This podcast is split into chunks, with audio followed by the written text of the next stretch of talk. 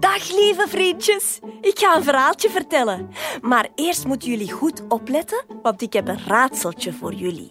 Er staan twaalf olifanten onder één paraplu. En toch worden ze niet nat. Hoe kan dat? Oké. Drie, twee, één. En we zijn vertrokken. Ja, goed recht omhoog vliegen. En... en Frans sprongen met een plons in het water. Eerst zwommen ze over de buik van Camille, dat kietelt. dan tussen de tenen van Victor. Zeg, wat was dat? Ik, ik, ik voel iets in, mijn nek.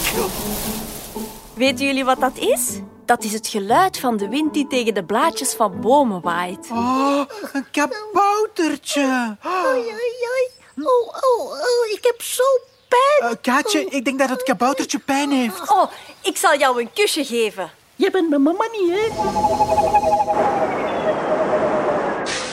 Ziezo.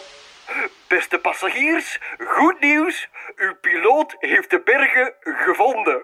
Schudden ballen jullie mee? Goed meedraaien, hè? Schudden ballen